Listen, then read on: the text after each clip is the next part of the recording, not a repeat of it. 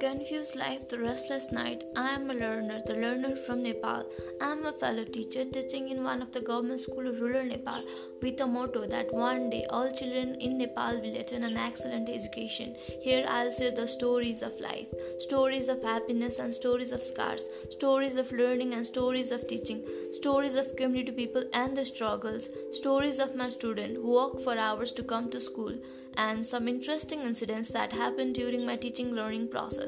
But sometimes I may just bark my thought off or may read my favorite poems.